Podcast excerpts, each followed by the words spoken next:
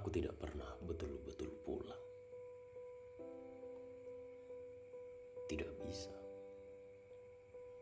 Ke semua tempat kuseret tubuh sendiri sebagai petualang tersesat. Bahkan di negeri jauh tempat aku lahir dan seorang perempuan mengajariku tersenyum kepada diri sendiri. Tidak pernah ada rumah. Tidak ada. Cuma ada mimpi buruk yang sekali waktu terburu-buru membangunkan dan meminta aku pergi. Membelahku, mengubah ingatan jadi hukuman, meletakkan jiwaku di antara keinginan dan keengganan kembali, di antara perkara-perkara yang mungkin dan tidak mungkin selesai. Kulihat diriku tertimbun reruntuhan masa remajaku di kota yang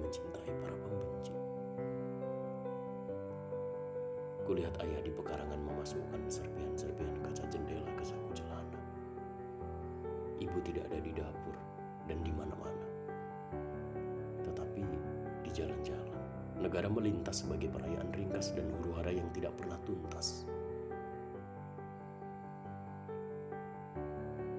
Setiap hari, tumbuh retakan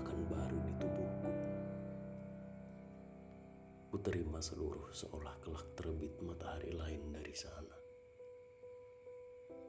Ribuan matahari.